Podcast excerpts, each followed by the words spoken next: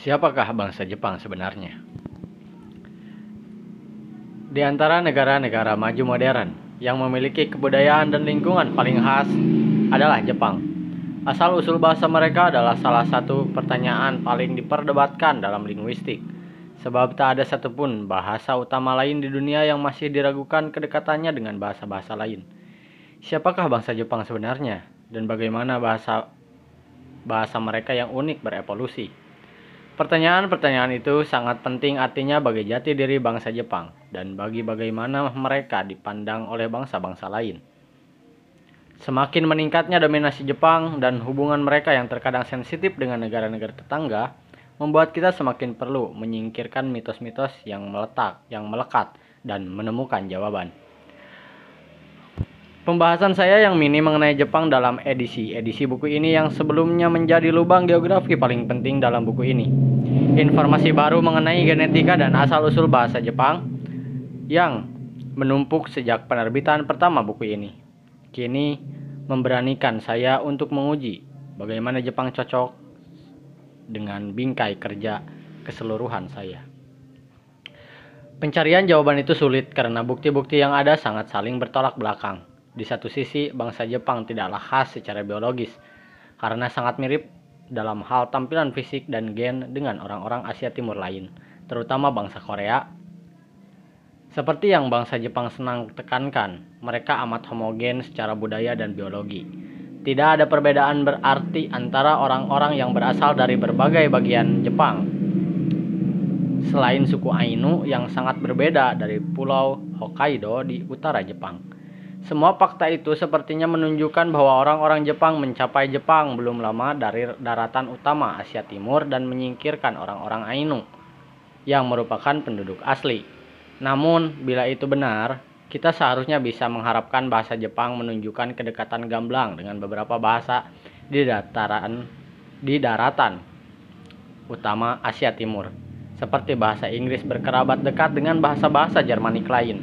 Sebab bangsa Anglo Sakon dari benua Eropa baru menguasai Inggris pada abad ke-6 Masehi. Bagaimana kita bisa memecahkan kontradiksi antara bahasa Jepang yang konon kuno dan semua bukti lain yang mengisyaratkan bahwa usia bangsa itu belum lagi tua? Empat teori yang bertolak belakang, masing-masing populer di sejumlah negara dan tak populer di negara lain telah diajukan yang paling populer di Jepang adalah pandangan bahwa bangsa Jepang secara bertahap berevolusi dari orang-orang zaman es purba yang menduduki Jepang jauh sebelum 20.000 sebelum Masehi. Di Jepang juga luas dipercaya teori bahwa orang-orang Jepang merupakan keturunan bangsa nomaden penunggang kuda dari Asia Tengah yang melewati Korea dan menaklukkan Jepang pada abad keempat sebelum Masehi, namun bukanlah orang Korea. Teori yang disukai banyak ahli arkeologi barat dan orang-orang Korea dan tak populer di sejumlah kalangan di Jepang adalah bahwa bangsa Jepang merupakan keturunan imigran Korea yang tiba bersamaan dengan budidaya padi sekitar 400 Masehi. Terakhir, orang-orang yang disebutkan dalam ketiga teori lain itu barangkali berbaur membentuk bangsa Jepang modern. Ketika menyangkut asal-usul orang lain, Pertanyaan-pertanyaan seperti itu bisa didiskusikan dengan objektif. Tidak demikian halnya dengan pertanyaan mengenai asal-usul bangsa Jepang. Jepang tak seperti sedemikian banyak negara non-Eropa lain. Berhasil mempertahankan kemandirian politik dan budayanya seraya keluar dari isolasi dan menciptakan masyarakat terindustrialisasi di akhir abad ke-19. Kini bangsa Jepang wajar saja khawatir mengenai mempertahankan tradisi di hadapan pengaruh budaya barat yang membanjir. Mereka ingin percaya bahwa bahasa dan kebudayaan mereka sedemikian unik sehingga membutuhkan proses-proses pengembangan unik yang kompleks, tak seperti proses-proses yang bekerja di tempat-tempat lain di dunia. Mengakui bahwa bahasa Jepang terkait dengan bahasa lain seolah sama dengan mengakui kekalahan identitas budaya. Sampai 1946, sekolah-sekolah Jepang mengajarkan mitos tentang sejarah Jepang yang didasarkan kepada tarikh tua Jepang dari 712 dan 720 Masehi. Tarikh itu menjabarkan bagaimana Dewi Matahari Amaterasu yang terlahir dari mata kiri dewa pencipta Izanagi mengirimkan cucunya Ninigi ke pulau Jepang Hushu di bumi untuk menikahi seorang dewi dari bumi. Cicit Ninigi, Jimu, dibantu oleh seorang burung, seekor burung keramat yang menyilaukan sehingga musuh-musuhnya tak berdaya. Menjadi kaisar pertama Jepang pada 660 sebelum Masehi. Untuk mengisi celah antara 660 sebelum Masehi dan Raja Jepang paling awal yang tercatat dalam sejarah, tarikh-tarikh itu menyebut, menyebutkan 13 kaisar lain yang sama fiktifnya. Sebelum akhir Perang Dunia II, ketika Kaisar Hirohito akhirnya mengumumkan kepada rakyatnya bahwa dia bukanlah keturunan dewa. Para ahli arkeologi dan ahli sejarah Jepang harus membuat bebas harus membuat tafsir yang sesuai dengan riwayat tersebut. Walaupun mereka lebih bebas menghasilkan tafsir sekarang, tetap ada kekangan. Monumen-monumen arkeologi terpenting di Jepang ke 158 makam kofun raksasa yang dibangun antara 300 dan 686 Masehi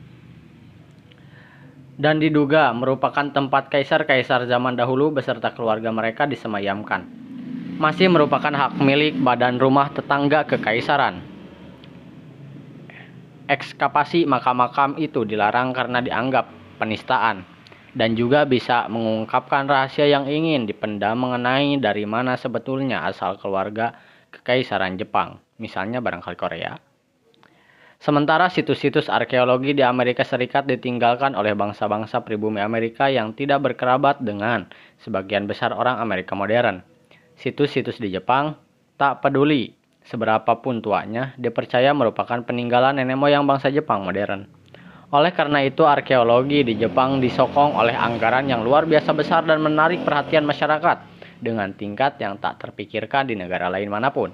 Setiap tahun, para ahli arkeologi para ahli arkeologi Jepang menggali 10.000 lebih situs dan memperkerjakan sampai 50.000 pekerja lapangan.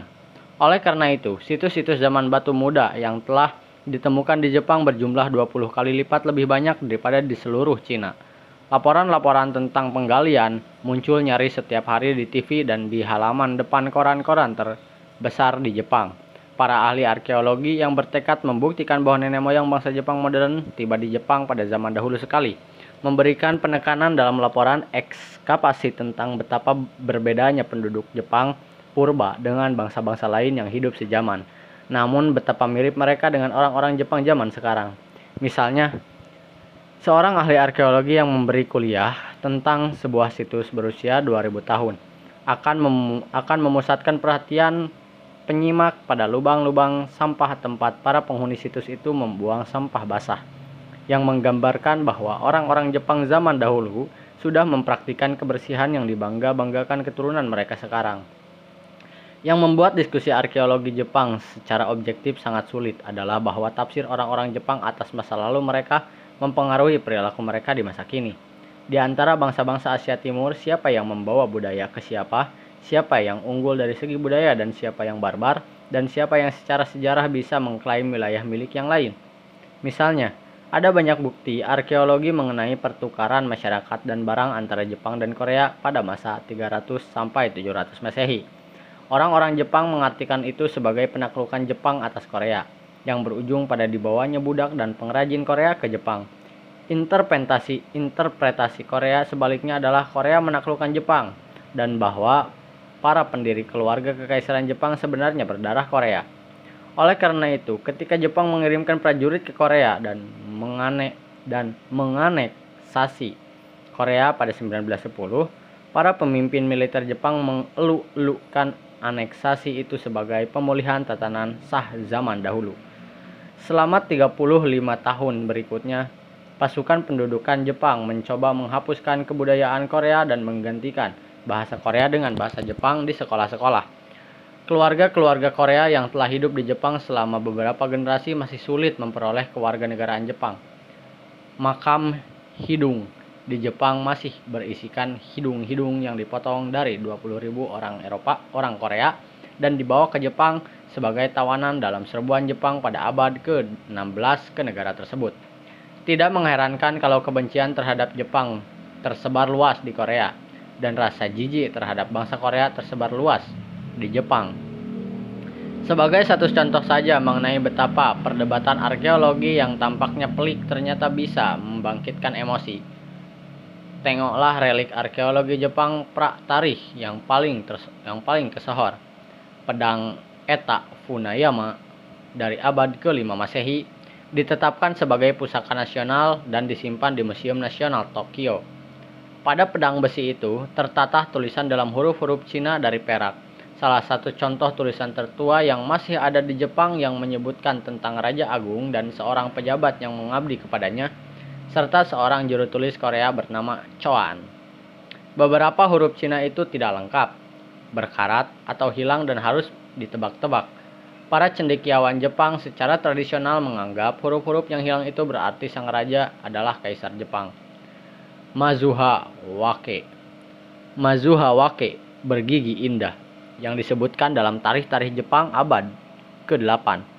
Tapi pada 1966, ahli sejarah Korea Kim Sok-hyong menggegerkan kalangan cendekiawan Jepang dengan mengajukan bahwa nama yang hilang itu sebenarnya adalah Raja Kairo dari Jepang dari Korea dan bahwa pejabat yang disebutkan adalah salah satu raja kecil Korea pengabdinya yang ketika itu sedang menduduki beberapa wilayah Jepang. Apa itu sebenarnya tatanan sah zaman dahulu?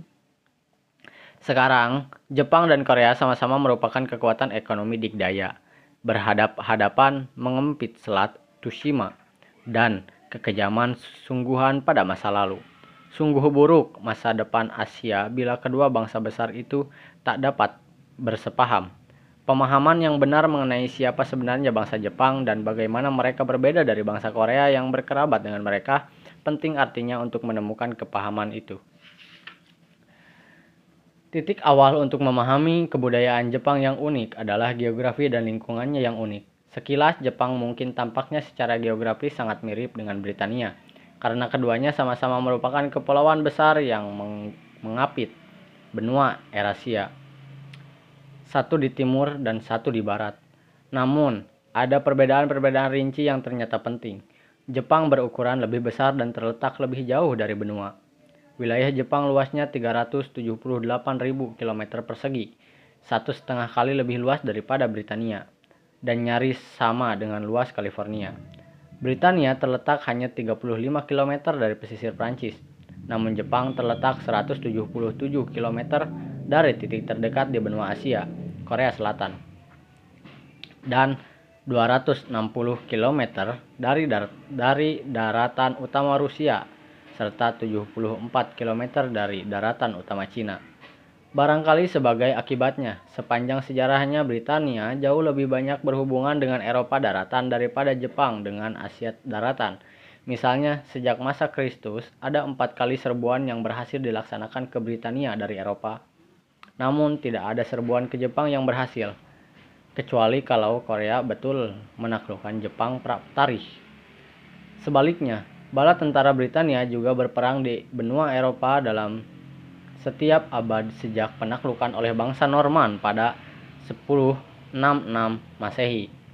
Sementara sebelum akhir abad ke-19, Asia daratan terlalu terbebas dari bala tentara Jepang, kecuali Korea pada masa Pratarikh dan Dasawarsa terakhir abad ke-16.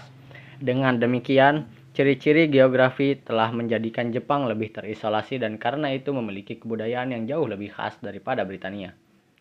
Dalam hal iklim Jep dalam hal iklim Jepang, curah hujan di sana yang berkisar sampai 400 cm per tahun menjadikan Jepang negara beriklim sedang paling basah di dunia. Terlebih lagi, beda dengan hujan musim dingin yang mendominasi sebagian besar Eropa. Hujan Jepang terkonsentrasi saat musim tumbuh pada musim panas. Kombinasi curah hujan yang tinggi dan hujan musim panas itu menganugerahi Jepang produktivitas tumbuhan tertinggi dibandingkan negara mana pun di zona iklim sedang. Separuh tanah pertaniannya diperuntukkan bagi budidaya padi beri, beririgasi padat karya dan menghasilkan panen dalam jumlah besar, dibantu oleh banyak sungai yang mengalir dari pegunungan yang basah menuju daratan rendah yang landai. Sementara 80% luas daratan Jepang terdiri atas pegunungan yang tidak cocok untuk agrikultur dan hanya 14% yang merupakan lahan pertanian. Tiap kilometer persegi lahan pertanian Jepang menyokong kepadatan penduduk yang 8 kali lebih besar daripada Britania, bahkan relatif terhadap luas lahan pertanian yang tersedia. Jepang adalah negara besar berkepadatan penduduk paling tinggi di dunia. Curah hujan Jepang yang tinggi juga memastikan hutannya dengan cepat beregenerasi setelah ditebangi, terlepas dari pemukiman padat manusia selama ribuan tahun. Kesan pertama semua orang mengenai Jepang adalah kehijauannya, sebab 70% lebih daratannya masih tertutupi hutan, dibandingkan dengan di Britania yang hanya 10%. Sebaliknya, segala hutan itu berarti tidak ada padang rumput asli atau padang pengembalaan alamiah Secara tradisional, satu-satunya hewan yang dipelihara dalam skala besar untuk dimakan di Jepang adalah babi. Domba dan kambing tidak pernah banyak, sementara sapi dipelihara untuk menarik bajak dan gerobak namun tidak untuk disantap. Daging sapi hasil peliharaan di Jepang tetap merupakan makanan mewah segelintir orang kaya, dijual dengan harga mencapai 10 100 dolar per setengah kilo. Kombinasi hutan Jepang bervariasi seiring garis lintang, dan ketinggian. Hutan berdaun selalu hijau. Hutan berdaun selalu hijau di selatan pada ketinggian rendah. Hutan berdaun gugur di Jepang Tengah dan hutan berdaur jarum berdaun jarum di utara dan tempat-tempat tinggi. Bagi manusia prasejarah, hutan yang paling produktif adalah hutan berdaun gugur karena di situ dapat ditemukan kacang-kacangan yang dapat dimakan dalam jumlah berlimpah. Misalnya kurumi atau walnut, kuri atau katsaye Jepang, berangan kuda, ek, dan beach. Seperti hutan-hutan Jepang, perairan Jepang juga luar, luar biasa produktif. Danau, sungai, laut Seto, laut Jepang di sebelah barat dan Samudra Pasifik di sebelah timur kaya akan ikan seperti salmon, trout, tuna, sarden, makrel, herring, dan kod. Sekarang, Jepang merupakan penangkap, importir, dan konsumen terbesar ikan di dunia. Perairan Jepang juga kaya akan kimia, akan kima, tiram dan kerang-kerangan lainnya, kepiting, udang dan udang-udang dan udang karang, serta rumput laut yang bisa dimakan. Seperti yang akan kita lihat, produktivitas tinggi di daratan, perairan tawar, dan laut itu merupakan kunci prasejarah Jepang. Sebelum kita berpaling ke bukti dari arkeologi, mari kita pertimbangkan bukti asal usul Jepang dari biologi, linguistik, penggambaran awal dan sejarah tertulis. Konflik antara keempat jenis bukti yang familiar inilah yang menjadikan asal-usul Jepang kontroversial. Dari barat daya sampai timur laut, keempat pulau utama Jepang adalah Hushu, Shikoku, Honshu, dan Hokkaido. Sampai imigrasi bangsa Jepang berskala besar ke Hokkaido pada akhir abad ke-19. Pulau tersebut ditambah Honshu sebagai sebagian bagian utara pada masa sejarah terutama dihuni oleh orang-orang Ainu yang hidup sebagai pemburu pengumpul dengan agrikultur terbatas sementara bangsa Jepang peng menghuni ketiga pulau lainnya. Dalam hal gen dan kerangka maupun tampilan luar, orang-orang Jepang mirip sekali dengan orang-orang Asia Timur lainnya, termasuk Cina Utara, Siberia Timur, dan terutama Korea. Bahkan teman-teman saya yang berdarah Jepang dan Korea mengatakan bahwa mereka terkadang sulit mendebak apakah seorang berasal dari Jepang atau Korea hanya dengan memperhatikan wajahnya. Sementara soal bangsa Ainu, penampilan mereka yang berbeda telah menghasilkan lebih banyak pembahasan tertulis mengenai asal-usul dan kekerabatan mereka daripada suku lain mana pun di bumi. As orang-orang Ainu memiliki janggut lebat dan rambut tumbuh paling rimbun dibandingkan suku mana pun. Fakta itu dikombinasikan dengan sejumlah sifat turunan lain seperti pola sidik jari dan jenis kotoran telinga mereka. Seringkali menyebabkan mereka diklasifikasikan sebagai Kaukasoid, sebutan untuk orang berkulit putih, yang entah bagaimana berimigrasi ke timur melintasi Asia dan berlabuh di Jepang. Meskipun demikian, dalam hal keseluruhan sunan, susunan genetik, bangsa Ainu berkerabat dengan orang-orang Asia Timur lain, termasuk orang Jorang Jepang, Korea, dan Okinawa. Barangkali penampilan luar mereka yang berbeda disebabkan oleh relatif sedikit gen yang muncul akibat seleksi seksual setelah mereka berimigrasi dari Asia daratan dan menjadi terisolasi di Kepulauan Jepang. Penampilan yang berbeda dan gaya hidup pemburu pengumpul orang Ainu, serta penampilan seragam dan gaya hidup agrikultur eks ekstensif orang-orang Jepang sering kali dianggap sebagai bukti bagi penjelajahan sederhana bahwa orang-orang Ainu adalah keturunan dari penghuni asli Jepang yang hidup dari berburu dan mengumpulkan. Sementara orang-orang Jepang yang merupakan penyerbu yang datang belakangan dari Asia Barat. Namun pandangan itu sulit diakurkan dengan keunikan bangsa Jepang yang disepakati semua orang tidak memiliki kekerabatan yang amat dekat dengan bangsa lain apa pun di dunia seperti dekatnya hubungan antara bahasa Perancis dengan bahasa Spanyol.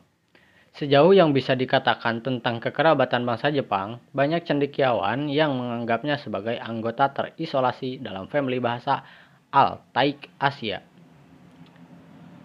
yang mencakup bahasa-bahasa Turki, bahasa-bahasa Mongolia, dan bahasa-bahasa Tungus di Siberia Timur.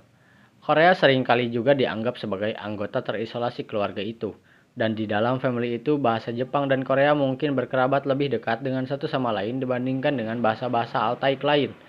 Tapi kemiripan antara bahasa Jepang dan Korea terbatas kepada ciri-ciri tata bahasa umum dan dan sekitar 15% kosakata dasar.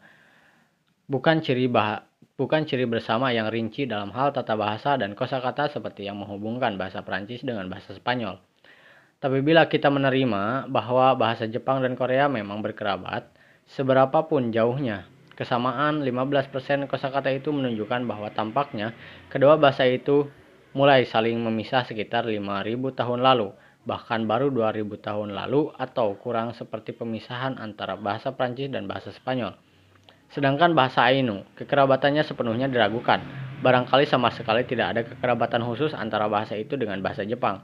Setelah biologi dan bahasa, jenis bukti ketiga kita mengenai asal-usul Jepang berasal dari penggambaran kuno. Karya tertua yang dibuat mirip penduduk Jepang dan masih ada adalah patung-patung yang disebut Haniwa. Ditegakkan di luar makam-makam sekitar 1500 tahun lalu.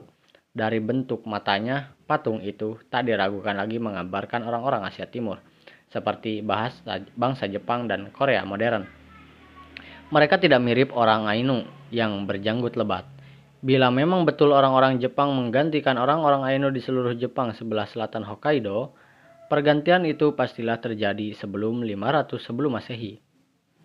Setelah Jepang mendirikan pos-pos dagang di, di Hokkaido pada 1615.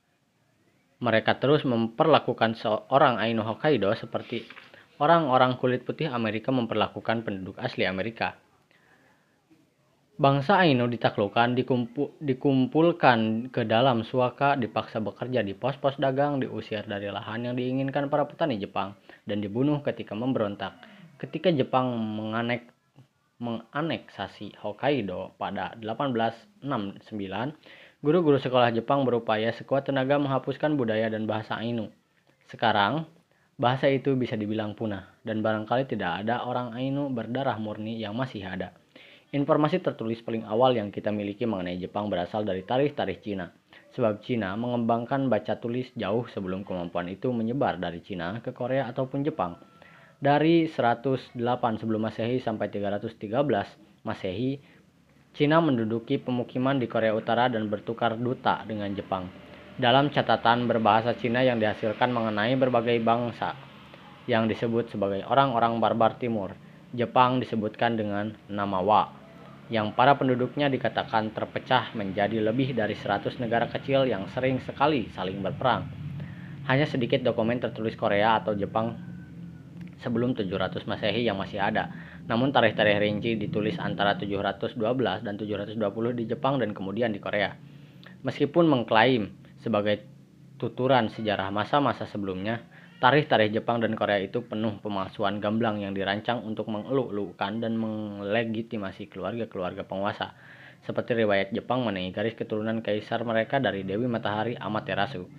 Terlepas dari itu, tarikh-tarikh itu sudah cukup untuk memastikan bahwa ada pengaruh besar dari Korea dan dari Cina melalui Korea terhadap Jepang yang mengarah kepada diperkenalkannya agama Buddha, tulisan metalurgi, berbagai pertukaran lain dan metode-metode birokratik ke Jepang.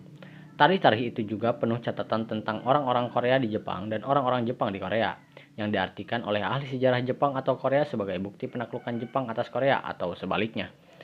Sejauh ini kita telah melihat bahwa nenek moyang bangsa Jepang mencapai Jepang sebelum mereka memiliki tulisan, dan bahwa biologi mereka sepertinya menunjukkan bahwa mereka tiba belum lama.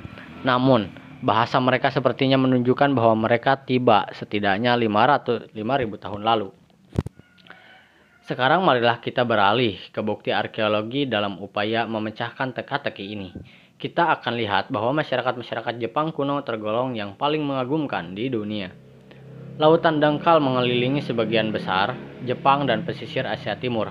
Oleh karena itu, lautan tersebut menjadi daratan kering pada zaman es, ketika banyak air laut yang terkunci dalam gletser dan permukaan laut lebih rendah sekitar 150 meter daripada posisinya sekarang.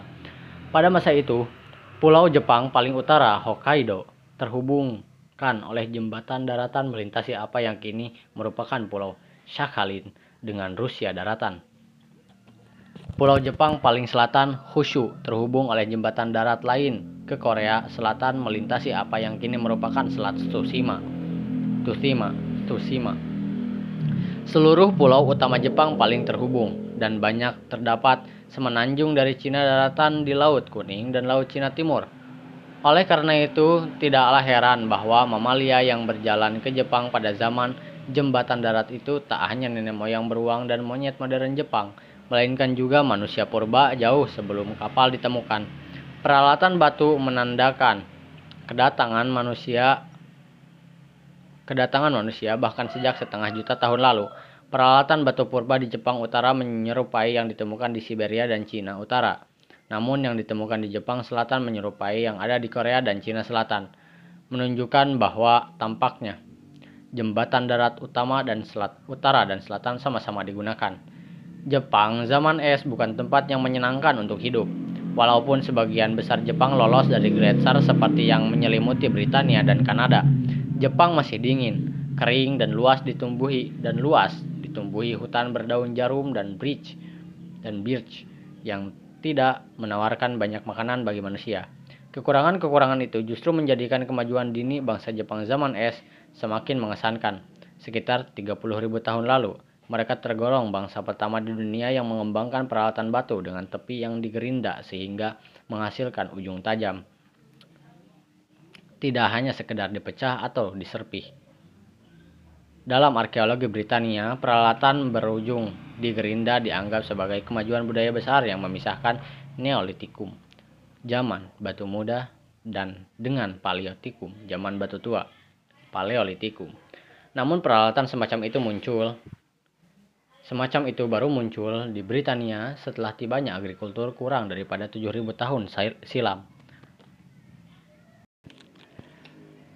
Sekitar 13.000 tahun lalu, Ketika gletser meleleh dengan cepat di seluruh dunia, kondisi-kondisi di Jepang berubah berbesar-besaran, menjadi lebih nyaman bagi manusia. Suhu, curah hujan, maupun kelembaban meningkat, meningkatkan produktivitas tumbuhan ke level tinggi masa kini yang menyebabkan Jepang menonjol di antara negara-negara beriklim sedang. Hutan-hutan berdaun gugur yang penuh pohon kacang-kacangan yang tadinya terbatas di Jepang Selatan selama zaman es meluas ke arah utara dan menyingkirkan hutan berdaun jarum, sehingga menggantikan tepi hutan yang terlalu steril untuk manusia dengan tipe hutan yang jauh lebih produktif. Kenaikan permukaan laut memutuskan jembatan-jembatan darat, mengubah Jepang dari bagian benua Asia menjadi kepulauan besar, mengubah apa yang, tadi, yang tadinya dataran menjadi lautan dangkal yang kaya, dan menciptakan ribuan kilometer garis pesisir baru yang produktif dengan pulau, teluk, dataran pasang, dan muara yang tak terhitung jumlahnya. Semuanya disarati makanan laut. Akhir zaman es diiringi oleh perubahan pertama dari dua perubahan paling menentukan dalam sejarah Jepang. Ditemukannya gerabah untuk pertama kali dalam riwayatnya manusia memiliki wadah kedap air yang tersedia dalam bentuk apa pun yang diinginkan dengan dengan kemampuan baru untuk merebus, mengukus, atau mendidihkan makanan. Manusia memperoleh akses kepada sumber makanan melimpah yang sebelumnya sulit dimanfaatkan. Sayuran berdaun yang akan gosong atau kering bila dimasak di atas api. Kerang-kerangan yang jadi bisa dibuka dengan mudah. Serta makanan beracun atau pahit namun bergizi seperti biji ek dan makanan beracun atau biji ek atau berangan kuda. Yang jadi bisa dibuang racunnya dengan cara direndam. Makanan rebusan lunak bisa diberikan kepada anak-anak kecil sehingga anak kecil bisa disapih lebih dini dan ibu bisa melahirkan anak dengan selang waktu lebih singkat. Orang tua yang tidak bergigi, orang tua yang tidak bergigi, gudang informasi dalam masyarakat pra tulisan bisa diberi makan dan hidup lebih lama. Semua faedah penting gerabah memicu ledakan populasi menyebabkan populasi Jepang naik dari kira-kira beberapa ribu orang menjadi seperempat juta. Tentunya orang-orang Jepang bukan satu-satunya masyarakat kuno yang mengenal gerabah. Gerabah ditemukan secara terpisah berkali-kali di berbagai wilayah pada zaman dahulu. Namun gerabah tertua yang dikenal di dunia dibuat di Jepang 12.700 tahun silam ketika pengukuran umur radiokarbon itu diumumkan pada 1960. Bahkan pada awalnya para ilmuwan Jepang saja tidak percaya. Dalam pengalaman para, para ahli arkeologi, biasanya temuan mengalir dari daratan utama ke kepulauan, dan masyarakat pinggiran semestinya tidak menyumbangkan kemajuan revolusioner kepada bagian-bagian dunia lainnya. Dalam pengalaman para ahli arkeologi Jepang, Cina dianggap sebagai sumber terobosan-terobosan budaya di Asia Timur. Misalnya pertanian, tulisan, metalurgi, dan segala sesuatu lainnya yang penting. Kini nyaris 40 tahun setelah usia tua gerabah Jepang itu diketahui, para ahli arkeologi masih belum juga tersadar dari apa yang diistilahkan shock karbon. 14. Gerabah sangat tua lainnya juga sudah ditemukan di Cina dan di Rusia Timur Para ahli arkeologi Asia berbalap-balapan hendak mengalahkan rekor Jepang itu. Bahkan saya baru saja mendengar kabar burung bahwa para ahli arkeologi Cina dan Rusia sudah nyaris mengalahkannya. Namun orang-orang Jepang masih memegang rekor dunia dengan gerabah yang ribuan tahun lebih tua daripada gerabah tertua di bulan sabit subur atau Eropa. Prasangka bahwa penghuni kepulauan semestinya bela belajar dari orang-orang benua yang lebih superior bukan satu-satunya alasan mengapa gerabah Pemecah rekor dari Jepang menyebabkan shock sebesar itu. Selain itu, para pembuat gerabah terawal di Jepang jelas merupakan pemburu pengumpul, dan itu juga melanggar pandangan-pandangan yang telah mantap. Sebagian besar gerabah dimiliki oleh masyarakat penetap. Kaum nomaden macam apa yang mau membawa-bawa sekumpulan belanga berat, juga senjata dan bayi, setiap kali mereka harus berpindah tempat oleh karena itu, pemburu pengumpul biasanya tidak punya gerabah, sebab kebanyakan masyarakat penetap di wilayah-wilayah lain dunia baru muncul setelah agrikultur diterapkan. Namun lingkungan yang sedemikian produktif sehingga wilayah tersebut merupakan satu dari segelintir lokasi di mana manusia bisa menetap dan membuat gerabah sambil tetap hidup sebagai pemburu pengumpul. Gerabah membantu para pemburu pengumpul Jepang dalam mengeksploitasi sumber makanan kaya di lingkungan mereka 10.000 tahun lebih sebelum agrikultur intensif mencapai Jepang. Berbalikan dengan itu, gerabah baru diadopsi di bulan sabit subur sekitar 1000 tahun setelah adopsi agrikultur pertanian. Tidak mengejutkan, gerabah Jepang kuno itu teknologinya sederhana bila dibandingkan standar masa kini. Gerabah Jepang kuno tidak kenal glasir, dibuat dengan tangan, tidak di atas roda putar, dibakar di api terbuka bukan di dalam tungku menggunakan suhu yang relatif rendah. Namun seiring berlalunya waktu, gerabah tersebut pun dibuat dengan beraneka ragam bentuk menggunakan yang terhitung seni hebat menurut standar masa apa pun. Banyak di antaranya didekorasi dengan melilitkan atau menekankan tali pada tanah liat yang masih basah. Oleh karena kata bahasa Jepang untuk membuat pola dengan tali adalah jomon, Istilah jomon diterapkan kepada gerabah itu sendiri, kepada orang-orang Jepang kuno yang membuatnya, dan kepada keseluruhan zaman prasejarah Jepang yang diawali dengan penemuan gerabah dan berakhir baru 10.000 tahun kemudian. Gerabah Jomon tertua berusia 12.700 tahun berasal dari Kyushu, pulau Jepang paling selatan. Dari situ, gerabah menyebar ke utara sampai wilayah Tokyo modern sekitar 9.500 tahun lalu dan pulau paling utara Hokkaido pada 7.000 tahun silam. Penyebaran gerabah ke utara mengikuti penyebaran hutan berdaun gugur yang kaya kacang-kacangan ke utara menunjukkan bahwa sepertinya banjir makananlah yang memungkinkan kehidupan menetap dan munculnya gerabah. Yang mendukung tafsir bahwa gerabah hanya sekali ditemukan di selatan dan menyebar dari satu sumber tersebut adalah gaya gerabah Jomon awal yang cukup seragam di seluruh Jepang. Lama-kelamaan, beberapa lusin gaya daerah berkembang di sepanjang 2400 km kepulauan Jepang. Bagaimana orang-orang Jomon bertahan hidup kita punya bukti melimpah dari sampah yang mereka tinggalkan di ratusan ribu situs arkeologi dan tumpukan raksasa cangkang yang telah dieks diekskavasi, tersebar di seluruh penjuru Jepang. Ternyata para pemburu, pengumpul, dan nelayan menikmati diet yang luar biasa beraneka ragam dan seimbang, yang pasti akan dipuji oleh para ahli gizi modern. Salah satu kategori makanan utama adalah kacang-kacangan, terutama kastanye dan almond ditambah berangan kuda dan biji ek yang telah diredam, direndam sampai racun pahitnya hilang. Kacang-kacangan bisa dipanen di musim gugur dalam kuantitas melimpah dan kemudian disimpan untuk musim dingin dalam lubang simpanan bawah tanah yang bisa mencapai kedalaman 2 meter dan lebar 2 meter. Makanan nabati lain mencakup beri, buah-buahan, biji-bijian, dedaunan, tunas, umbi-umbian, dan akar-akaran. Para ahli arkeologi yang meneliti sampah Jomon berhasil mengidentifikasi total 64 spesies tumbuhan yang bisa dimakan. Dulu maupun sekarang, penduduk Jepang tergolong konsumen makanan laut terbesar di dunia.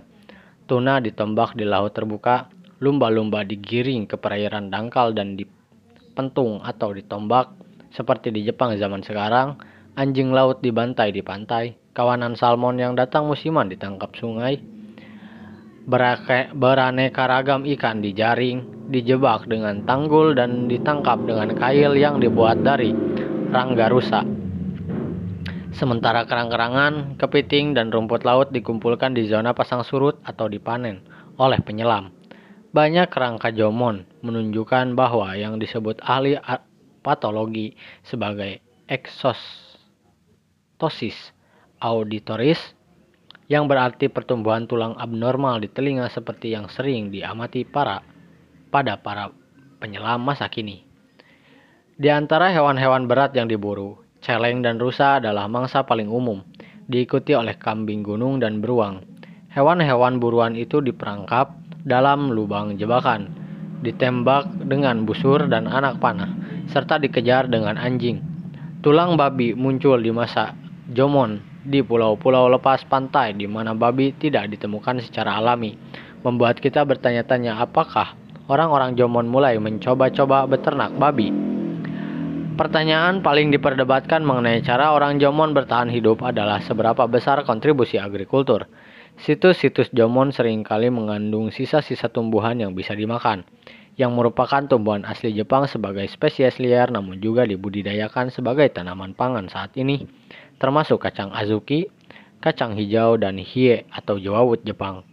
Sisa-sisa dari zaman Jomon tidak dengan jelas menunjukkan ciri-ciri morfologis yang membedakan tanaman pangan dari nenek moyang liarnya, sehingga kita tidak tahu apakah tumbuhan-tumbuhan tersebut dikumpulkan di alam ataukah secara sengaja ditumbuhkan.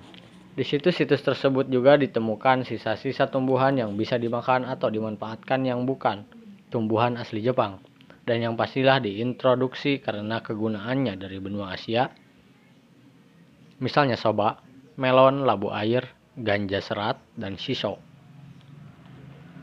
Sekitar 1200 sebelum Masehi, mendekati ujung zaman Zomon, beberapa butir beras, jelai, dan jewawut padi-padian pokok Asia Timur mulai bermunculan. Semua bukti menarik itu mungkin menunjukkan bahwa orang-orang Jomon mulai mempraktikkan agrikultur tebang bakar, namun jelaslah hanya sesekali dengan kontribusi kecil terhadap diet mereka. Saya tidak ingin meninggalkan kesan bahwa setiap jenis makanan yang saya sebutkan dimakan di seluruh penjuru Jepang zaman Jomon. Di hutan-hutan Jepang Utara yang kaya kacang-kacangan, yang paling penting adalah lubang simpanan kacang, juga pembaruan anjing laut dan penangkapan ikan. Di barat daya yang di barat daya yang miskin kacang-kacangan, kerang-kerangan memegang peran yang lebih yang lebih besar. Namun keanekaragaman masih menjadi ciri diet lokal Jomon dan bahkan santapan individual Jomon. Misalnya, seperti yang ditunjukkan oleh sisa-sisa santapan yang diawetkan, yang terawetkan. Orang-orang Jomon mencampurkan tepung, kastanye dan walnut, daging dan darah babi dan rusa, serta telur burung dalam takaran berbeda-beda untuk menghasilkan kue kaya karbohidrat atau burger yang kaya protein. Para pemburu pengumpul Ainu yang hidup belum lama ini menjaga belanga sup dari keramik di atas api dan memasukkan segala macam makanan ke dalamnya. Para nenek moyang mereka di zaman di zaman Jomon hidup di lokasi-lokasi yang sama dan melahap makanan yang sama. Mungkin melakukan hal yang sama. Saya menyinggung bahwa gerabah mereka termasuk wadah-wadah berat yang tingginya mencapai 1 meter, menunjukkan bahwa tampaknya para pemburu pengumpul Jomon bersifat menetap, tidak nomaden. Bukti lebih lanjut mengenai hunian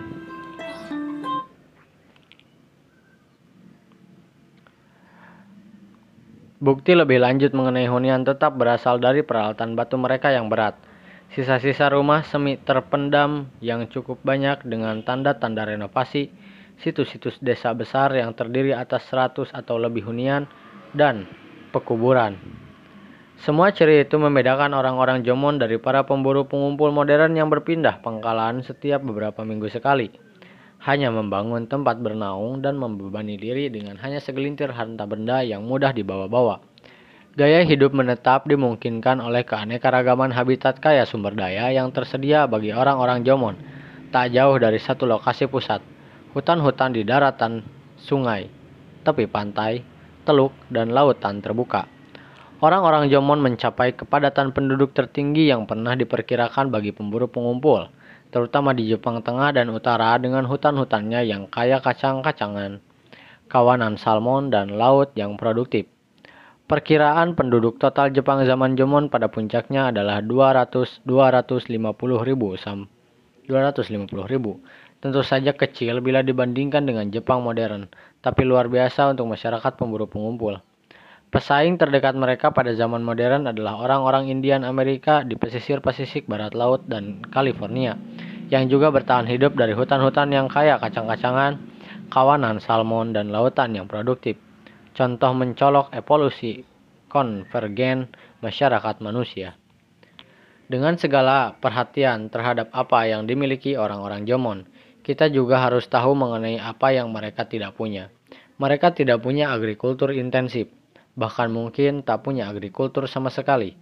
Selain anjing dan barangkali babi, mereka tak punya hewan piaraan. Mereka tak punya peralatan logam, tulisan, maupun tenunan.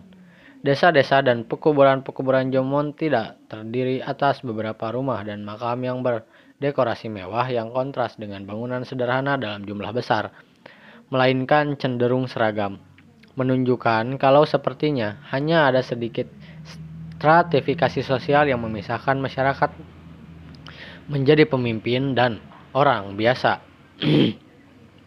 Variasi regional Gerabah menunjukkan bahwa tampaknya tak banyak kemajuan ke arah sentralisasi dan unifikasi politik. Semua ciri negatif itu kontras dengan ciri-ciri masyarakat-masyarakat sejaman yang hanya terpisah beberapa ratus mil dari Jepang zaman Jomon di Cina dan Korea Daratan dan dengan perubahan-perubahan yang menyapu Jepang sendiri setelah 400 sebelum Masehi.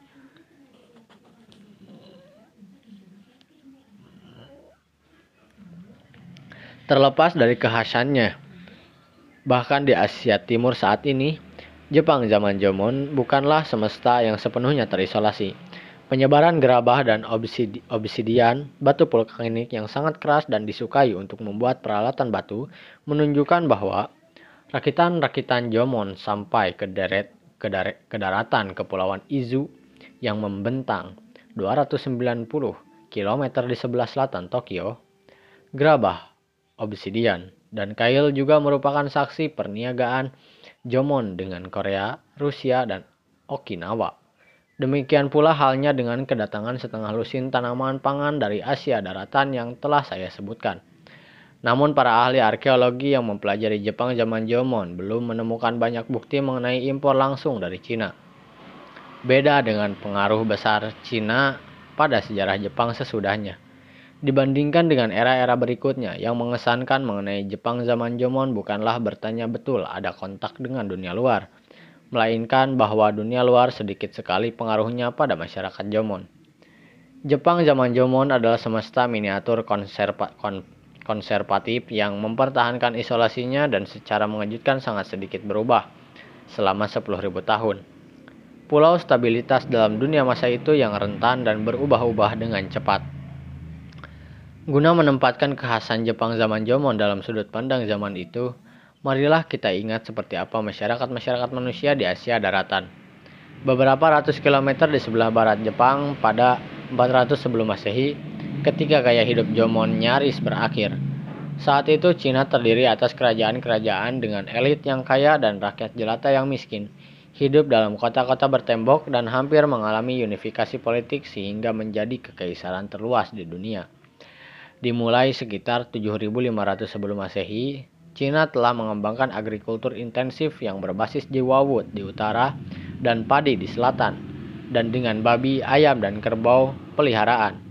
Cina telah memiliki tulisan selama setidaknya 900 tahun dan peralatan logam selama setidaknya 10.000, 1.500 tahun dan baru saja menemukan produksi besi tuang pertama di dunia. Perkembangan-perkembangan di Cina itu juga menyebar ke Korea yang telah memiliki agrikultur selama beberapa tahun, termasuk padi sejak 2200 sebelum Masehi dan logam sejak 1000 sebelum Masehi. Mengingat semua perkembangan itu yang berlangsung selama ribuan tahun tepat di seberang selat Tsushima dan Laut Cina Timur dari Jepang, pada awalnya tampak mengejutkan kalau Jepang pada 400 sebelum Masehi masih dihuni oleh orang-orang yang meskipun telah berniaga dengan Korea, namun tetap merupakan pemburu pengumpul yang belum kenal tulisan dan masih menggunakan peralatan batu. Di sepanjang sejarah manusia, negara-negara tersentralisasi dengan persenjataan logam dan bala tentara disokong oleh populasi agrikultur yang padat, telah menyingkirkan populasi-populasi pemburu pengumpul pengguna peralatan batu yang penduduknya lebih jarang. Bagaimana bisa Jepang zaman Jomon bertahan sedemikian lama? Guna memahami keanehan itu, kita harus ingat bahwa sampai 400 sebelum Masehi, garis depan Selat Tsushima bukan memisahkan petani kaya dan pemburu pengumpul miskin, melainkan petani miskin dan pemburu pengumpul kaya. Cina sendiri dan zaman dan Jepang zaman Jomon tidak berhubungan langsung. Kontak perniagaan Jepang bila ada justru melibatkan Korea. Namun padi telah didomestikasi di Cina Selatan yang hangat dan menyebar dengan lambat ke arah Korea yang lebih dingin di utara. Sebab butuh waktu lama untuk mengembangkan galur-galur padi baru yang tahan dingin. Budidaya padi awal di Korea menggunakan metode sawah kering, bukan sawah beririgasi, dan kurang produktif. Dengan demikian, agrikultur awal Korea tidak bisa bersaing dengan gaya hidup pemburu pengumpul Jomon. Orang-orang Jomon sendiri pastilah tidak melihat adanya keuntungan dalam menerapkan agrikultur Korea. Itu juga kalau mereka tahu hal yang semacam itu ada. Sementara para ahli Korea yang miskin tidak memiliki keunggulan yang memungkinkan mereka menyerbu Jepang. Seperti yang akan kita lihat, keunggulan-keunggulan itu akhirnya berbalik secara mendadak dan dramatis. Saya sudah menyebutkan bahwa penemuan gerabah di Hushu sekitar 12.700 tahun lalu dan ledakan populasi Jomon yang dihasilkan adalah yang pertama dari dua perubahan penentu menentukan dalam sejarah Jepang. Perubahan menentukan yang satu lagi yang memicu ledakan populasi kedua dimulai ketika 400 sebelum Masehi dengan tibanya gaya hidup dan orang-orang baru dari Korea Selatan Transisi kedua menimbulkan pertanyaan yang lebih penting mengenai siapa orang Jepang sebenarnya. Apakah transisi itu menandai digantikannya orang-orang Jomon oleh imigran dari Korea yang menjadi nenek moyang orang Jepang modern? Ataukah hanya menandakan penduduk Jepang asli zaman Jomon terus menghuni Jepang sambil mempelajari cara-cara baru yang berharga? Gaya hidup baru itu muncul pertama kali di pesisir utara Pulau Jepang yang terletak paling barat daya, Honshu, tepat di seberang selatan Tsushima dari Korea Selatan. Unsur-unsur baru paling penting adalah peralatan logam atau besi, pertama di Jepang, dan agrikultur skala penuh pertama yang tak diragukan lagi. Agrikultur itu datang dalam bentuk sawah padi beririgasi, lengkap dengan kanal, bendungan, pematang, petak-petak sawah, dan sisa-sisa beras yang ditemukan melalui ekskavasi arkeologi. Para ahli arkeologi menamai gaya hidup baru tersebut Yayoi dari distrik di Tokyo di mana pada 1884 gerabah khas zaman itu pertama kali ditemukan. Tak seperti gerabah Jomon, gerabah Yayoi memiliki bentuk yang sangat serupa dengan gerabah Korea Selatan di zaman itu. Di antara banyak unsur lain kebudayaan Yayoi yang jelas bergaya Korea namun sebelumnya asing di Jepang adalah barang-barang perunggu, tenunan, manik-manik kaca, lubang beras bawah tanah, adat mengubur jenazah yang tempayan dalam tempayan, dan peralatan serta rumah bergaya Korea. Walaupun padi merupakan tanaman pangan, Yayoi terpenting, dibudidayakan pula 27 tanaman pangan lain yang baru di Jepang juga babi yang jelas-jelas hasil domestikasi. Para petani yayoi mungkin mempraktikkan tumpang sari, yaitu sawah diirigasi untuk menanam padi pada musim panas. Kemudian sawah yang sama dikeringkan untuk menanam jawawut, jelai, dan gandum di lahan kering pada musim dingin. Tak pelak, sistem agrikultur intensif yang sangat produktif ini kontan memicu ledakan populasi di Kyushu. Di Kyushu di mana para ahli arkeologi telah mengidentifikasi jauh lebih banyak situs Yayoi daripada situs Jomon, walaupun periode Jomon berlangsung 14 kali lebih lama. Dalam waktu yang, singkat, yang sangat singkat, pertanian Yayoi melompat dari Kyushu ke pulau-pulau besar tetangganya, Shikoku dan Honshu, mencapai wilayah Tokyo dalam 2000 tahun dan ujung utara Khusyu mencapai dan ujung utara Khusyu 1600 km dari pemukiman-pemukiman pertama Yayoi di Kyushu dalam seabad setelahnya. Di situs-situs Yayoi terawal di Kyushu ditemukan belanga-belanga bergaya Yayoi baru maupun bergaya Jomon lama. Namun, gaya Jomon menghilang seiring penyebaran budaya dan gerabah Yayoi ke utara Hosu. Tapi sejumlah unsur kebudayaan Jomon tidak hilang sepenuhnya. Para petani Yayoi terus menggunakan sejumlah tipe alat batu bilah Jomon yang sudah sepenuhnya digantikan oleh peralatan logam di Korea dan Cina. Sejumlah rumah Yayoi bergaya Korea, sebagian lagi bergaya Jomon. Terutama ketika kebudayaan Yayoi menyebar ke sebelah utara Tokyo ke daerah-daerah yang lebih sejuk di mana pertanian padi tidak begitu produktif dan di mana para pemburu pengumpul Jomon hidup dalam kepadatan penduduk tertinggi. Timbul kebudayaan campuran Yayoi atau Jomon dengan kail yang terbuat dari logam namun berbentuk ala Jomon dan dengan belanga-belanga yang dibuat dengan bentuk-bentuk Yayoi termodifikasi namun dengan pola tali Jomon. Setelah untuk waktu singkat menduduki ujung utara Honshu yang dingin, para petani Yayoi meninggalkan daerah itu. Barangkali karena pertanian padi tidak bisa bersaing di sana dengan gaya hidup pemburu pengumpul Jomon. Selama 2000 tahun berikutnya, Honshu Utara tetap menjadi daerah tepal, tapal pada tapal batas. Dan lewat dari itu, pulau Jepang paling utara, Hokkaido, beserta para pemburu pengumpul Ainu bahkan tidak dianggap sebagai bagian dari negara Jepang sampai dianeksasi pada abad ke-19.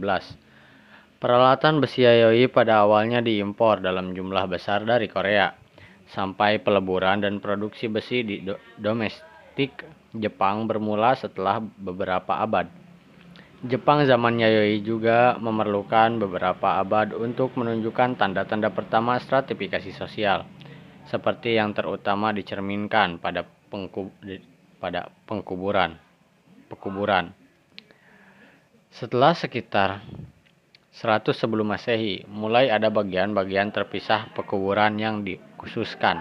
Bagi makam-makam yang jelas merupakan milik, milik kelas elit yang mulai tumbuh, ditandai oleh barang-barang mewah yang diimpor dari Cina, misalnya barang-barang giok dan cermin-cermin perunggu indah. Seiring berlanjutnya ledakan populasi Yayoi dan seiring mulai habisnya semua rawa terbaik atau dataran yang bisa diirigasi yang cocok untuk budidaya padi basah, bukti arkeologi adanya perang mulai semakin sering muncul. Produksi massal mata panah, parit pertahanan yang mengelilingi desa, dan kerangka-kerangka yang dimakamkan dalam kondisi tertembus mata panah. Bukti-bukti perang di Jepang zaman Yayoi berkesesuaian dengan catatan-catatan paling awal tentang Jepang dalam tarikh-tarikh Cina yang menjabarkan, yang menjabarkan Tanahwa dan ratusan kesatuan kecil politik yang saling bertarung di sana. Pada periode dari 300 sampai 700 Masehi, penggalian arkeologi maupun catatan-catatan ambigu yang membuat pusing dalam tarikh-tarikh yang ditulis setelahnya memungkinkan kita memperoleh kilasan kabur tentang kemunculan Jepang yang bersatu secara politik. Sebelum 300 Masehi, makam-makam elit masih berukuran kecil dan menunjukkan keanekaragaman gaya regional. Dimulai sekitar 300 Masehi, makam-makam gundukan tanah yang semakin besar dan berbentuk seperti lubang kunci, disebut kofun, mulai didirikan di wilayah Kinai di Honshu. Di Honshu dan kemudian muncul di seluruh daerah yang pernah menjadi tempat perkembangan budaya Yayoi, dari Kushu sampai Honshu Utara. Mengapa wilayah Kinai? Barangkali karena di situlah terletak sejumlah lahan pertanian paling bagus di Jepang, di mana sapi Kobe yang super mahal sekarang diternakan, dan di mana ibu kota kuno Cina berlokasi di Kyoto, sampai ibu kota dipindahkan ke Tokyo pada 1868. Maka makam Kofun bisa berukuran panjang sampai 450 meter dan tinggi di atas 30 meter, sehingga mungkin merupakan makam gundukan tanah terbesar di dunia kuno. Besarnya jumlah tenaga kerja yang diperlukan untuk membangun kofun dan keseragaman gayanya di seluruh Jepang menyiratkan keberadaan para penguasa dikdaya yang berkuasa atas tenaga kerja yang besar dan sedang dalam proses pencapaian unifikasi politik Jepang. Kofun-kofun yang telah diekskapasi berisikan perlengkapan kubur mewah. Namun ekskapasi semua kofun paling besar masih terlarang karena dipercaya berisi nenek moyang keluarga kekaisaran Jepang. Bukti kasat mata sentralisasi politik yang disediakan Kofun memperkuat catatan-catatan tentang para kaisar Jepang di era Kofun yang ditulis lama sesudahnya dalam tarikh-tarikh Jepang dan Korea. Pengaruh besar Korea terhadap Jepang di era Kofun, entah itu melalui penaklukan Korea atas Jepang, menurut pandangan Korea, atau penaklukan Jepang atas Korea, menurut pandangan Jepang, membawa agama Buddha, tulisan, kuda, serta teknik-teknik keramik dan metalurgi baru ke Jepang dari Asia Daratan. Terakhir, dengan diselesaikannya tarikh pertama Jepang pada 712 Masehi, sebagian mitos dan sebagian penulisan ulang peristiwa-peristiwa sungguhan, Jepang pun memasuki masa sejarah sepenuhnya. Pada 712, para penghuni Jepang akhirnya jelas merupakan orang-orang Jepang dan bahasa mereka disebut bahasa Jepang lama tak diragukan merupakan cikal bakal bahasa Jepang modern. Kaisar Jepang sekarang, Akihito adalah keturunan langsung ke-82 dari kaisar yang memerintah pada masa penulisan tarikh pertama bertanggal 712 Masehi. Dia secara tradisional dianggap keturunan langsung ke-125 kaisar pertama dalam legenda Jimu, Cicit, generasi kesekian dari Dewi Matahari Amaterasu. Kebudayaan Jepang mengalami perubahan yang jauh lebih radikal dalam 700 tahun era Yayoi daripada 10 milenium zaman Jomon.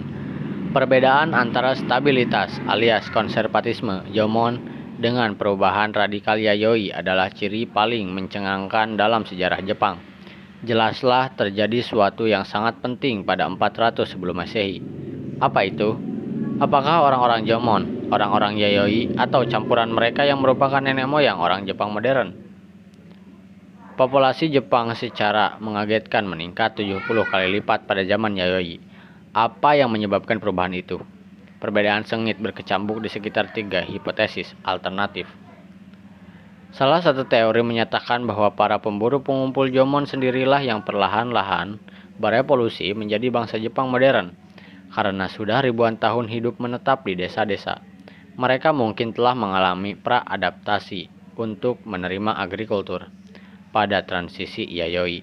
Barangkali tak ada yang terjadi selain bahwa masyarakat Jomon menerima benih padi tahan dingin dan informasi mengenai irigasi sawah dari Korea sehingga mereka bisa menghasilkan lebih banyak makanan dan jumlah mereka pun meningkat.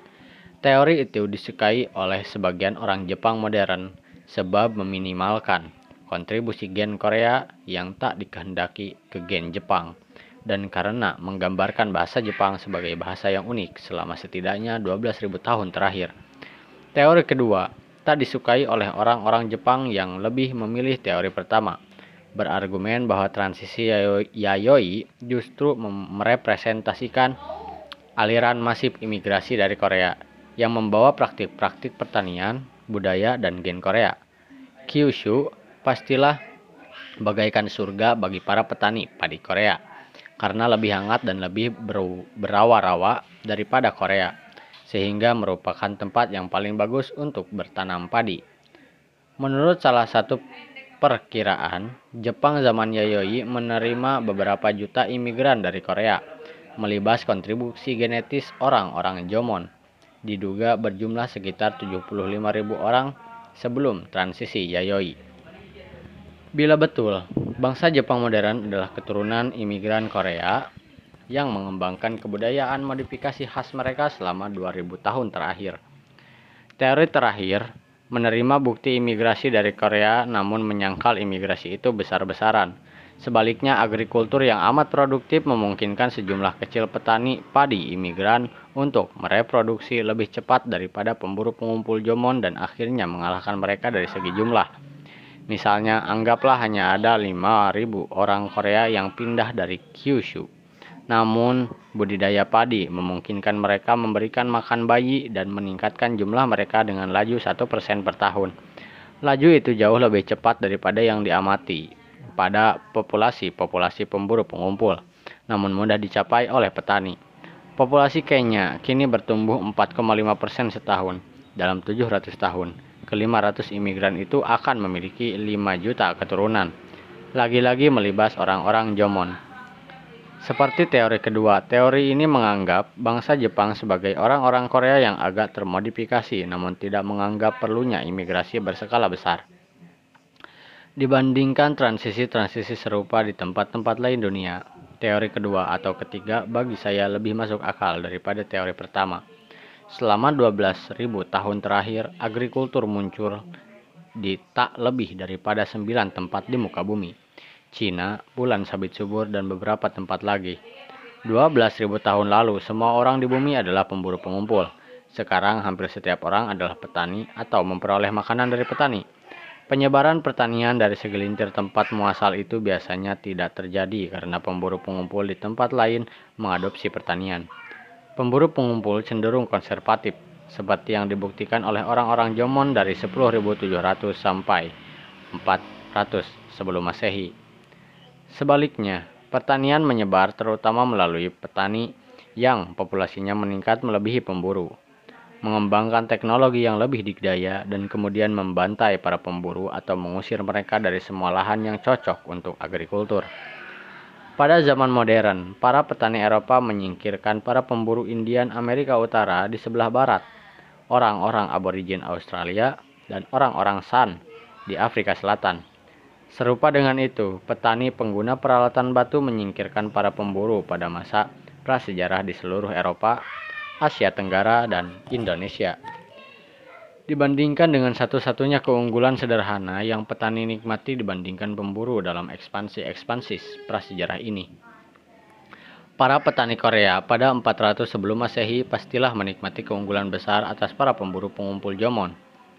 Sebab orang-orang Korea telah memiliki peralatan besi dan sebentuk agrikultur intensif yang telah sangat berkembang.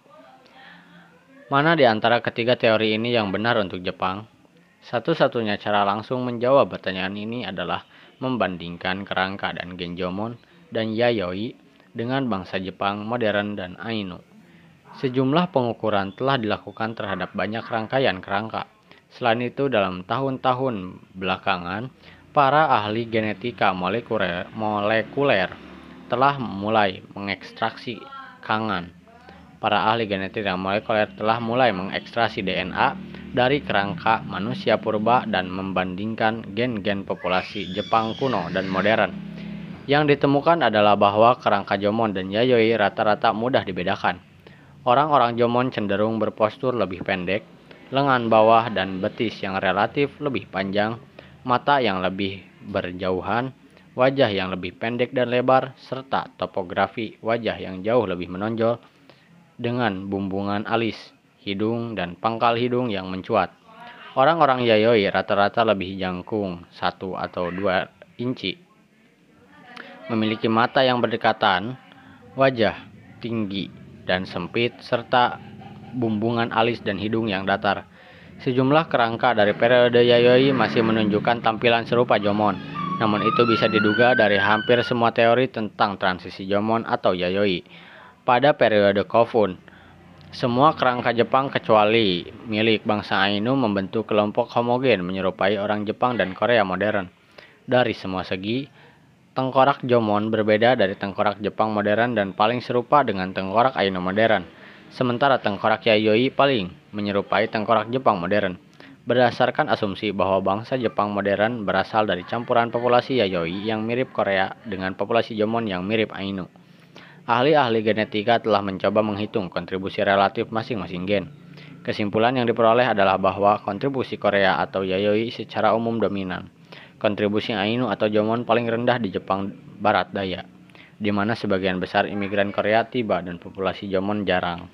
Namun relatif lebih besar di Jepang Utara, di mana hutan-hutan lebih kaya kacang-kacangan. Kepadatan populasi Jomon paling tinggi dan cocok tanam padi Yayoi paling tidak berhasil. Dengan demikian, imigran dari Korea memang memberikan kontribusi besar bagi bangsa Jepang modern Walaupun kita belum lagi bisa mengatakan apakah itu karena imigrasi besar-besaran ataukah imigrasi kecil yang diperbesar oleh laju tinggi peningkatan populasi. Bangsa Ainu lebih mungkin merupakan keturunan penghuni kuno Jepang zaman Jomon, bercampur dengan gen-gen Korea para kolonis Yayoi dan bangsa Jepang modern. Mengingat keunggulan melimpah yang akhirnya diberikan cocok tanam pada padi kepada para petani Korea dibandingkan para pemburu Jomon, kita harus bertanya-tanya mengapa para petani menggapai kemenangan dengan sedemikian mendadak setelah lama ribuan tahun hanya maju sedikit-sedikit di Jepang setelah pertanian mencapai Korea. Saya sudah menyebutkan bahwa pertanian awal Korea relatif tidak produktif dan hanya menghasilkan petani miskin yang kalah kelas dari pemburu kaya, yang akhirnya membalikan keunggulan bagi para petani dan memicu transisi Yayoi barangkali merupakan kombinasi dari keempat faktor itu bersama-sama. Perkembangan pertanian padi yang beririgasi sebagai ganti pertanian padi tegalan terus dikembangkannya galur padi yang teradaptasi terhadap iklim sejuk, pertumbuhan populasi petani Korea sehingga menekan orang-orang Korea untuk beremigrasi dan perkembangan peralatan besi untuk produksi massal efisien skop kayu, cakul, dan peralatan-peralatan lain yang dibutuhkan untuk cocok tanam padi di bawah. Fakta bahwa besi dan pertanian intensif mencapai Jepang secara bersamaan kecil kemungkinan merupakan kebetulan. Saya memulai tulisan ini dengan menyinggung satu tafsir gamblang bagi bagaimana orang-orang Ainu yang telah yang terlihat berbeda dari orang-orang Jepang yang terlihat seragam sebagai penghuni bersama Jepang. Tampaknya fakta menunjukkan bahwa orang Ainu merupakan keturunan penduduk asli Jepang, sementara orang Jepang adalah keturunan pendatang yang lebih baru. Kini kita telah lihat bahwa kombinasi bukti arkeologi, antropologi fisik, dan genetika menyokong pandangan itu. Namun saya juga menyebutkan sejak awal tentang penolakan keras yang menyebabkan sebagian besar orang, terutama orang-orang Jepang sendiri, mencari berbagai tafsiran lain. Bila orang Jepang memang merupakan keturunan pendatang baru dari Korea, kita bisa mengharapkan bangsa Jepang dan Korea sangat mirip satu sama lain.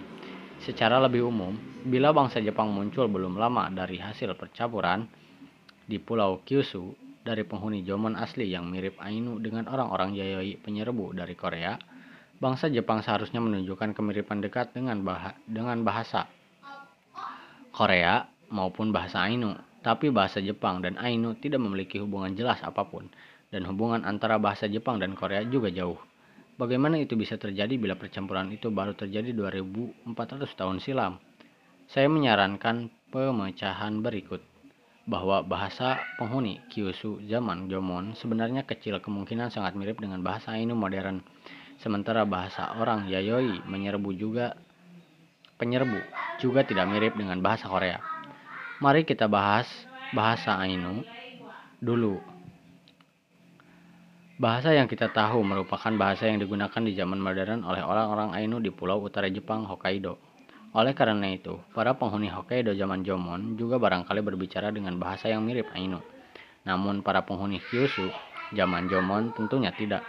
Dari ujung selatan Kyushu ke ujung utara Hokkaido, kepulauan Jepang nyaris 2400 km panjangnya.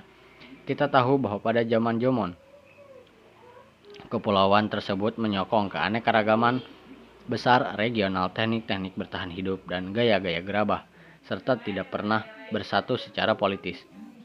Selama 10.000 tahun orang 10.000 tahun orang-orang Jomon menetap, mereka pastilah mengalami juga evolusi keanekaragaman besar linguistik. Bahasa-bahasa mereka mungkin sudah beraneka ragam lebih dari 12.000 tahun silam Bila orang Jomon Utara datang melintasi jembatan darat dari Rusia, sementara orang Jomon Selatan datang dari Korea, seperti yang seperti yang sepertinya diindikasikan oleh bukti arkeologi. Bahkan banyak nama tempat Jepang di Hokkaido dan Honshu Utara mencakup kata-kata Ainu untuk sungai, Nai dan Betu, Betu atau Tanjung, Shiri. Namun nama-nama berbau Ainu itu tidak ditemukan di sebelah selatan Jepang, ini, ini menunjukkan bahwa sepertinya para perintis Yayoi dan Jepang mengadopsi bahasa mengadopsi banyak nama tempat Jomon setempat.